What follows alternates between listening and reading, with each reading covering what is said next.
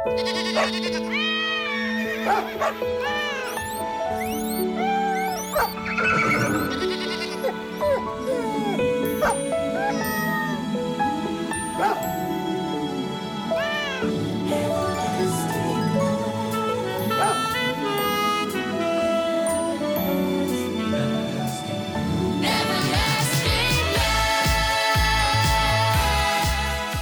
ser det ut i din familj? Är din partner en alfapartner? Är dina barn absolut lägst i rang och cirklar runt dig och din partner utan att våga komma nära? Är din alfapartner noga med att alltid ställa fram mat till sig själv först, så att ni andra i familjen inte tror att ni har samma rang eller tror att ni kan ta över familjen? Du lyssnar på mig, Fredrik Sten, och min podd Hundcoachen Fredrik Sten. Och idag ska jag prata lite grann om att du och hunden faktiskt ska vara jämlika. En hund är ett flockdjur och hundens familj och flock är precis samma familj och flock som din egen. Konstigare än så är det faktiskt inte. Om din partner skulle vara en alfapartner, som jag inledde den här podden med, så skulle du sannolikt skilja dig. Om du behandlar en annan familjemedlem, hunden, på samma sätt så vill hunden också skilja sig, alltså flytta. Men det kan den ju inte eftersom du äger hunden. Du har ju makten över hunden.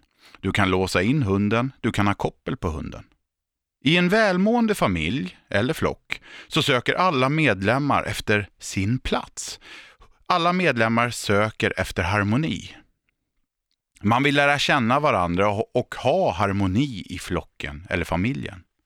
Det här vill alla människor som lever tillsammans med andra människor och det här vill alla hundar som lever tillsammans med andra hundar eller tillsammans med andra människor. Alla vill ha harmoni.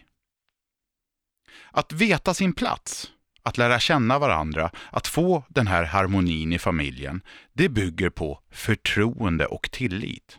Så är det för oss människor, så är det för hundar. Men det är viktigt att förstå att begreppet veta sin plats i sammanhang med familj och flock inte har ett dugg med rangordning att göra. I alla fall har det inte det för mig. Att hunden vet sin plats är kanske att den vet att den kan busa våldsammare med mig än vad den kan göra med mina barn. Att den kan tigga mat av mig vid matbordet men inte av min partner. Att jag vet min plats i min familj handlar kanske om att jag aldrig skulle plocka undan barnens lego utan att fråga dem först. Eller aldrig röra min partners arbetsdator. Mina barn vet sin plats kanske innebär att de aldrig skulle rota i mina anteckningsböcker eller i mina papper som ligger på mitt skrivbord. Att de aldrig skulle gå ut med våra hundar utan att jag är med. Att veta sin plats i en familj eller flocksammanhang handlar bara om harmoni i familjen eller flocken, inget annat. I min familj är jag, mina barn, mina hundar jämlika. Men mina barn bestämmer över vissa saker, jag över andra och mina hundar bestämmer över andra saker. Jag tror på ledarroller, inte rangordning. Och jag anser mig ha sett precis det här i mina flockar av hundar som jag växt upp med under hela mitt liv. För mig är det tydligt att ledarroller är framgångsrikt. Att ledarroller, det är det som ger trygghet och harmoni. Och att flocken eller familjen blir en harmonisk flock eller familj med just ledarroller istället för rangordning. I en harmonisk flock hundar är det tydligt för mig att hundar tar just olika roller. Någon individ är lekledaren, en annan individ är jaktledaren. Den tredje individen är kanske den som alltid agerar först när det kommer besök och så vidare. Det här är roller som hundarna har tagit av sig själva och som de andra hundarna faktiskt gett bort till varandra. Det är det som är harmonin i flocken. Det hela är faktiskt inte mer konstigt än hos en vanlig lycklig familj, hos föräldrar och barn.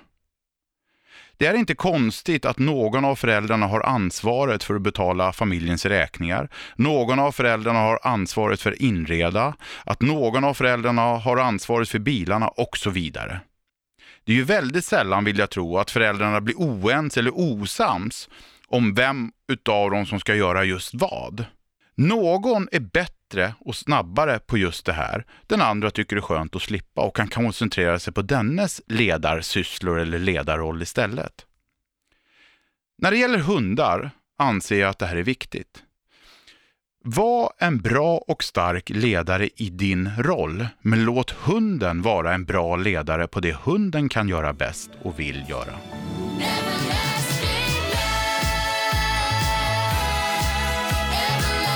Men sedan finns ju ledarroller som faktiskt du som förälder eller hundägare faktiskt måste ha. Du har ju trots allt ansvar över både hund och barn.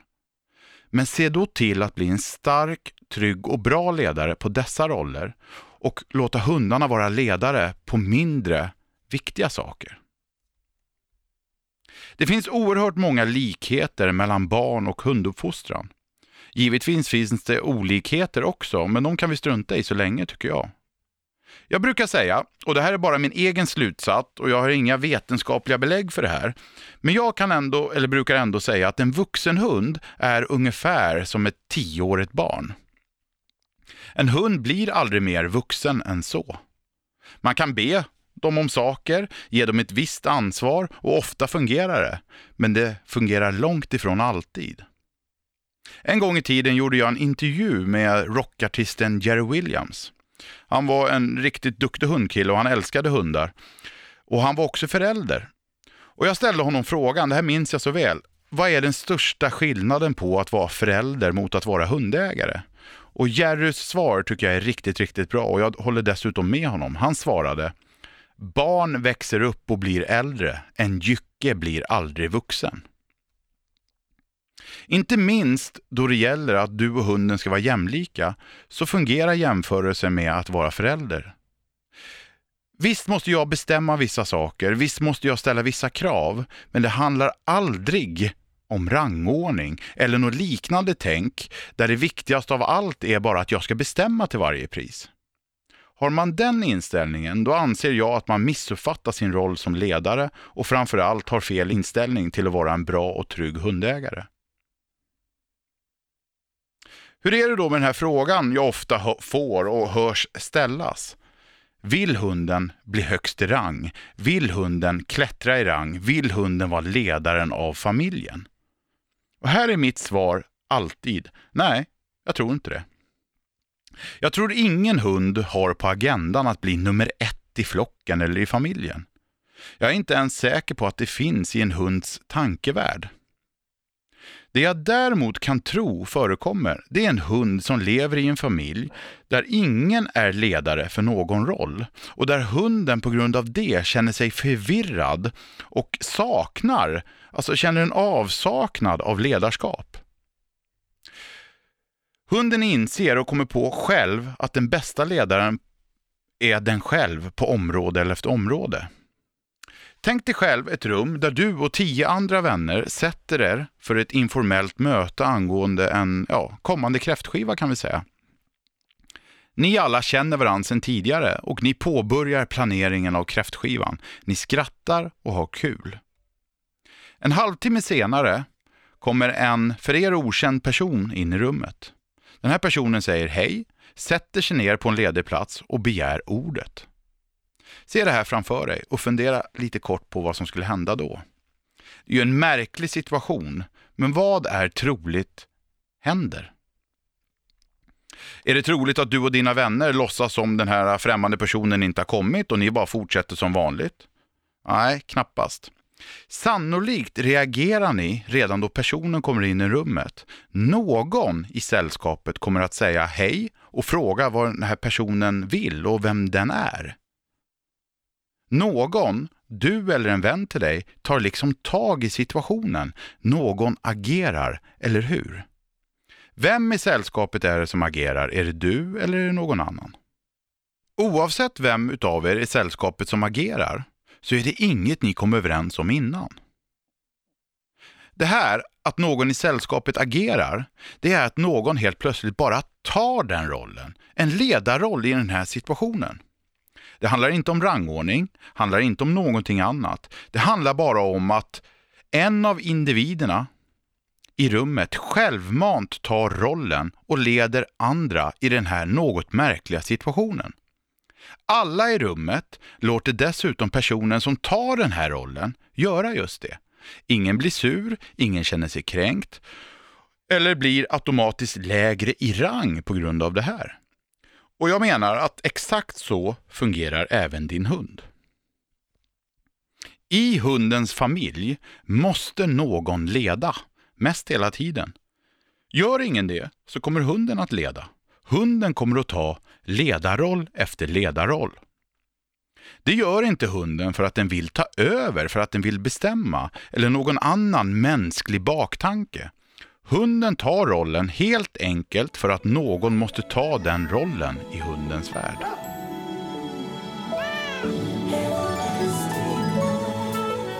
I vissa situationer, ofta plötsliga sådana, tar hunden rollen som ledare snabbare än vad du gör. I andra plötsliga situationer vädjar nästan hunden till dig att ta ledarrollen. Tänk dig att du och din hund är ute i skogen och går. Allt är lugnt och harmoniskt. Men plötsligt bryts den här harmonin av att ett rådjur springer förbi tätt framför er. Du själv reagerar den första mikrosekunden med att undra vad det är som händer. Hunden reagerar omedelbart och hundens vilja att jaga efter slår till. Hunden beslutar sig blixtsnabbt för att ta den här rollen som jaktledare och bara någon sekund efter att allt började så har hunden tagit den rollen. Hunden jagar efter rådjuret. Här upplever många hundägare att man är chanslös. Hunden jagar sitt byte, rådjuret i det här fallet, och har inga som helst tvivel om om detta är okej okay eller inte. Inga som helst tvivel om om hunden gör rätt eller inte. Hunden har ju ledarrollen. Den upplever att den har jaktledarrollen. Varför skulle hunden tvivla? En av de stora problemen som uppstår när det här sker, det är att du i princip inte kan göra någonting alls. I alla fall inte något som förbättrar din jaktledarskap eller din och hundens relation. När hunden efter avslutad jakt återkommer till dig så kan du göra ett par saker. Du kan fullständigt ignorera din hund och ignorera att den kommer tillbaka, att den har jagat. Det är det ena. Det andra är att du kan skälla på hunden och på olika sätt försöka tala om för hunden att den är dum för att den jagar. Oavsett vilket du väljer kommer det inte göra dig till en bättre jaktledare. Oavsett vad du väljer så kommer hunden inte lämna ifrån sig sin jaktledarroll. Vad du än gör så kommer hunden inte förstå varför du gör som du gör. Jakten är avslutad. Hunden är nöjd. Det som sker efteråt, att du ignorerar hunden, kommer inte att förändra det här. Det som sker efteråt, att du skäller på hunden, kommer inte heller att förändra det här. Det enda som det kanske skulle ge är en sämre relation mellan er två. Nu undrar du kanske hur jag tänker och jag ska försöka förklara. Tänk dig att ditt barn spelar fotboll. Det är final i en kupp och spelet går på övertid. Ditt barn får bollen extremt långt ut på vänsterkanten. Inne i straffområdet står flera lagkamrater helt fria. Men istället för att passa, som ditt barn borde göra, så väljer ditt barn att skjuta mot mål istället. Skottet från den här helt omöjliga vinkeln går in i mål och ditt barns lag vinner finalen. Efter matchen går du och tränaren fram till ditt barn och säger att det var dumt att skjuta, att barnet borde ha passat bollen istället. Ni kan tänka er hur det barnet upplever det här. Och det är ungefär så jag tror att en hund upplever oss när vi skäller på den, bara för att den har jagat. Det ger liksom ingenting. Nu vill jag att du tänker en ny härlig promenad med hunden ute i skogen. Du och din hund går där och allt är lugnt och fridfullt. Plötsligt hörs kvistar som bryts av, ni hör pustande och stönande och ser en människa komma springande i hög fart rakt emot er. Du reagerar omedelbart och försöker den första sekunden förstå vad det är som händer. Och väldigt snabbt inser du att det är en helt vanlig joggare som är ute och springer. Din hund som har reagerat minst lika snabbt ser inte att det är en helt vanlig och trevlig joggare. Den ser en individ som beter sig konstigt och springer hotfullt rakt emot er. Till skillnad från situationen jag beskrev innan, den med rådjuret och hundens jaktintresse, så är den här situationen hotfull och skrämmande. Därför måste även hunden samla ihop sig en stund och besluta sig för vad den ska göra. Ska den fly eller ska den försvara sig? Det som då sker är ett ja, fenomen som bara händer i grupper eller i en flock. Individerna söker stöd hos varandra. Din hund kommer den första sekunden att titta på dig och på så sätt få stöd i vad den ska göra.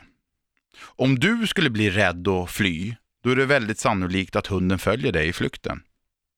Du är alltså ledaren i detta läge. Men eftersom du inte blir rädd, du ser ju att det är en helt vanlig joggare, så lämnar du hunden, ja, ledarlös kanske man kan säga. Hunden är skrämd. Hunden kan inte veta att det här hotet som kommer frustande i skogen handlar om en vanlig joggare. Hunden behöver ditt stöd. Hunden behöver dig här som ledare. Men det vi hundägare tyvärr ofta gör i de här situationerna, det är att lämna hunden helt ensam i sin oro, i sin rädsla. Vi säger kanske hej till den frustande joggaren, vi går vidare och allt är över, i alla fall för oss. Hunden som varit orolig, kanske skapat avstånd till joggaren, lämnas helt utan stöd. Hunden har du helt enkelt övergivit. Ledarskap handlar alltså för mig om relationer. Det handlar om att hjälpa och stötta varandra. Och som i vilken relation som helst så ska din relation med hunden bygga på att ni båda blir starkare tillsammans än vad du och hunden skulle vara om ni var ensamma. Att du och hunden är jämlika, innebär det att ingen bestämmer eller att båda bestämmer i alla lägen? Nej, så är det faktiskt inte. Det är ju inte alls så det fungerar. Eh, för att bli lite djup här nu då. I vårt samhälle har vi grundlagar alla måste följa. De här grundlagarna måste till och med vår regering följa. Regeringen tar beslut som vi medborgare måste följa och så ser det ut. Det är ju så en demokrati ser ut. Och det är ju faktiskt trots allt få som känner sig kränkta eller mindre värda för det. I en familj måste barnen ibland lyda sina föräldrar. Och ibland måste till och med ett äldre syskon bestämma över ett syskon som är yngre. Men att någon ibland tar ett beslut över våra huvuden eller bestämmer över dig och mig, över ett barn, det behöver ju inte handla om en relation som inte är jämlik. Det ska ju handla om ansvar och att hjälpa en individ att komma rätt i livet. En känd barnpsykolog sa på en radiointervju en gång att en förälders uppgift är inte att försöka göra så att barnen älskar föräldern. En förälders uppgift är att fostra och stötta barnen så att barnet hamnar rätt i livet. Förr eller senare kommer det ändå att innebära villkorslös kärlek. Det kommer liksom på köpet. Detsamma menar jag gäller för en hundägare. Vi måste våga vara hundägare, våga ta ledarroller, vi måste våga sätta gränser, våga förbjuda med mera.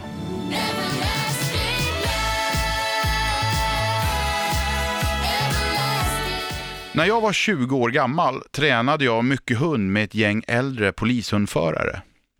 Några av de här äh, extremt duktiga hundressörerna har tyvärr gått ur tiden, men en och annan finns fortfarande kvar och vi diskuterar mycket hund än idag. Vid den tiden när jag var ung, då utbildade jag en väldigt speciell och väldigt bra chefer i lydnad, spår, sök och skydd. Jag utbildade den chefen mot polisiär användning. En dag när jag kom till polisens dressyrplats norr om Stockholm hade jag min hand i bandage. En av de äldre polishundsinstruktörerna pekade på mitt bandage och frågade vad som hade hänt. Jag förklarade då att jag blivit biten av min chefer. Jag berättade hur det hela hade gått till, att hunden hade fått ett tuggben och tagit tuggbenet och gått och lagt sig i min nya soffa. Efter en stund insåg jag att soffan blev nedkladdad av hundens saliv och resten av tuggbenet och beslutade mig därför att hunden inte längre fick vara i soffan. När jag försökte få ner hunden ur soffan blev jag biten. Det var då, eller, eller i alla fall efter, det man kan kalla uppläxning av polisinstruktören, jag började förstå att ledarskap inte alls handlar om att bestämma i allt och hela tiden.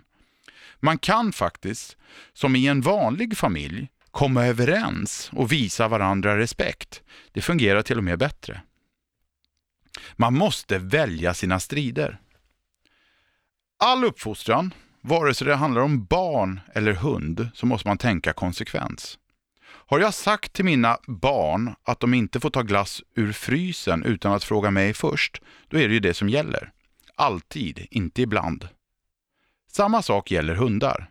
Men problemet är att det finns så mycket man måste vara konsekvent med, om man har mycket regler, så att man faktiskt kanske inte lyckas.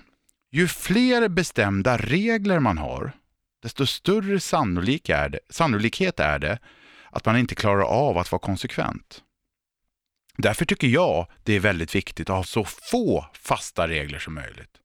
Ju färre fasta regler jag har, desto mer konsekvent lyckas jag vara.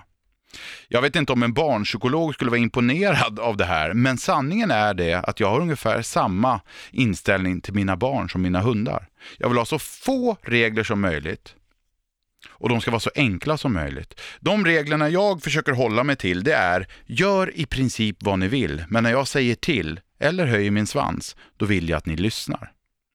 Det här är mina fasta regler och de passar mig och min familj. Det är inte alls säkert att en annan hundägare vill ha det så, men jag tycker det är bra och skönt.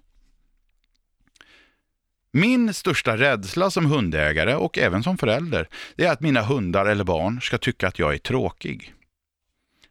Att vara rolig och intressant, det är förmodligen den viktigaste egenskapen en bra ledare för en flock eller familj måste ha. En annan viktig egenskap en trygg och bra ledare måste ha är förmågan att inse att den eller det man ska leda faktiskt är egna individer. Du måste kunna acceptera andra individers vilja, att andra individer vill vara i fred, att andra individer faktiskt får vara sura eller griniga.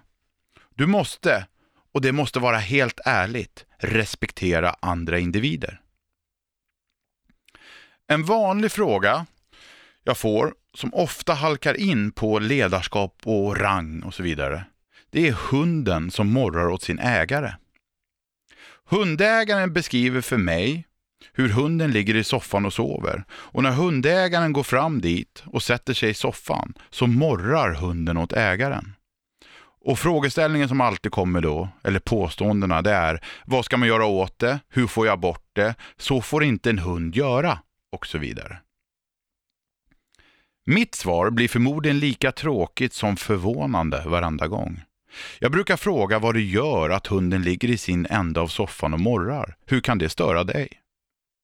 Frågeställaren brukar se lite chockad ut och brukar svara något i stil med att det är faktiskt inte okej okay att en hund morrar åt sin ägare.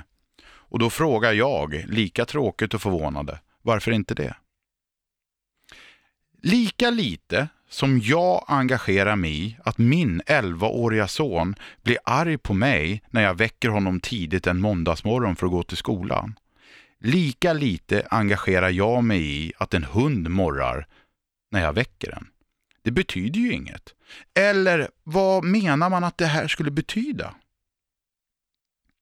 Vi måste sansa oss i de här eh, tankarna, i de här situationerna. Vi måste börja tänka lite logiskt och faktiskt försöka förstå hur hundar är mot varandra. Inse att det är en hund som morrar åt mig och att hundar faktiskt gör så ibland.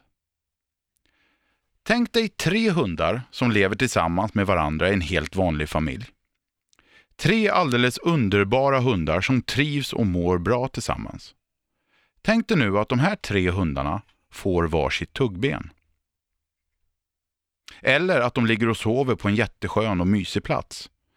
Då kan du säkert också se framför dig hur någon av dessa tre på ett tydligt sätt morrar åt en annan hund för att visa att tuggbenet den tuggar på är dennes. Du kan säkert tydligt se framför dig hur någon morrar åt en annan hund för att den vill ha den här sovplatsen och så vidare. Jag är helt övertygad om att du har sett det här själv och tycker att det är rätt okej okay, och inser att det är så hundar fungerar. Men varför skulle då ett morr mot dig som hundägare vara mer dramatiskt eller kräva andra åtgärder? Av skäl som samhället har beslutat, av säkerhetsskäl och av praktiska anledningar så måste du ibland bestämma över din hund. Så är det. Tänk inte så mycket på det. Men din grundsyn som hundägare ska inte vara alfa eller rangordning. Din grundsyn som hundägare ska vara relation och jämlikhet. Ofta så överskattar man och underskattar man sin hund på en och samma gång. För att förstå din hund, eller egentligen vilken hund som helst, så anser jag att det är viktigt att man inte romantiserar omkring hunden. Att man inte målar upp förväntningar av din hund eh, som är omöjligt eller som hunden inte kan eller kommer att uppfylla. Det kommer bara göra dig besviken. Att romantisera eller överskatta hunden kommer också någon gång göra dig orättvis mot hunden. Att vara orättvis mot en individ som man egentligen vill vara ärlig emot gynnar ingen. Det är inte heller bra för relationen i längden. Lika illa är det för dig och din hund om du underskattar hunden. Du indirekt idiotförklarar hunden och blir förvånad över hunden då det faktiskt inte finns något att bli förvånad över. Jag vill bara ta upp två tydliga och vanliga exempel på det här med att överskatta respektive underskatta hunden. Ett klassiskt tillfälle då en hundägare överskattar sin hund är i diskussioner, ofta med en vän, när hundägaren berättar hur snäll hunden är, hur vänlig hunden är och att hunden aldrig visar något som helst tecken på att vakta eller försvara något. Men, och det är nu det kommer, om jag skulle bli överfallen ute en mörk natt, då skulle hunden försvara mig. Det här är att romantisera och överskatta den för övrigt helt fantastiska hunden. Det är högst osannolikt att en hund som bara är snäll, som aldrig tidigare visat något som helst intresse för att vakta eller försvara dig, eller försvara en annan tillgång, helt plötsligt skulle, likt en hundvariant av Stålmannen eller Wonder Woman, skulle bli en skyddshund och rädda dig från det här eventuella överfallet. Det händer bara inte. Kanske blir du nu ledsen eller besviken på mig när jag säger det här, eller kanske har du bevis på att det jag säger faktiskt är fel. Men då vill jag bara lugna dig lite grann. Jag ska förklara mig alldeles strax. Ett klassiskt tillfälle då man underskattar hunden kan vara exemplet jag har varit med om flera gånger. Jag sitter i bilen tillsammans med en vän och dennes hund och vi är på väg ut i skogen för att plocka svamp. För en vecka sedan gjorde vi precis samma sak och då hade vi en trevlig stund ute i skogen. Min vän, den här hunden och jag själv. Nu när vi börjar närma oss den parkeringsficka vi ställde oss vid förra gången en bit in i skogen, på en smal grusväg, börjar hunden plötsligt gnälla och bli förväntansfull. Min vän säger då, och det är nu det kommer. Helt otroligt att hunden känner igen sig. Vi har ju bara varit här en gång förut. Och då är vi där. Snacka om att idiotförklara eller i alla fall underskatta hunden. Om du har varit på ett ställe förut och haft en trevlig stund, då är det väl inte speciellt konstigt att du känner igen dig när du kommer fram dit igen. Varför skulle inte en hund känna igen sig lika lätt, precis som du? Det här var bara två exempel, två för mig vanliga exempel på att överskatta respektive underskatta hunden. Men det förekommer faktiskt betydligt oftare och mest hela tiden. Då och då, och inte allt för sällan, kan vi höra eller läsa om olika studier eller forskningsresultat gällande hundar. Vi får lära oss att hundar är mer intelligenta än vad vi tror, att hundar inte är mer intelligenta än exempelvis en abborre i Mälaren. Det hörde vi på nyheterna för inte så länge sedan. Vi får lära oss att en hund kan lära sig räkna, att en hund kan förstå det vi säger i en större utsträckning än vad vi tidigare trott. Att en hund kan lära sig förståelsen i kanske 2000 ord eller mer. Jag menar inte att all denna oerhört intressanta forskning är negativ på något sätt. Men jag tror att det kan bidra till en viss romantisering omkring våra hundar. Och det kan i sin tur göra att vi ibland glömmer bort det faktum att våra fantastiska hundar är djur. En hund, ett djur som även om det inte är en varg, är betydligt mer lik en varg än en människa. Stort tack för att du lyssnar på min podd. Den här podden gör jag tillsammans med mina kompisar på Agria djurförsäkringar. Och glöm inte att läsa min blogg på agria.se eller följa mig på Instagram. Där heter jag Hundcoachen. Stort tack för att du lyssnade.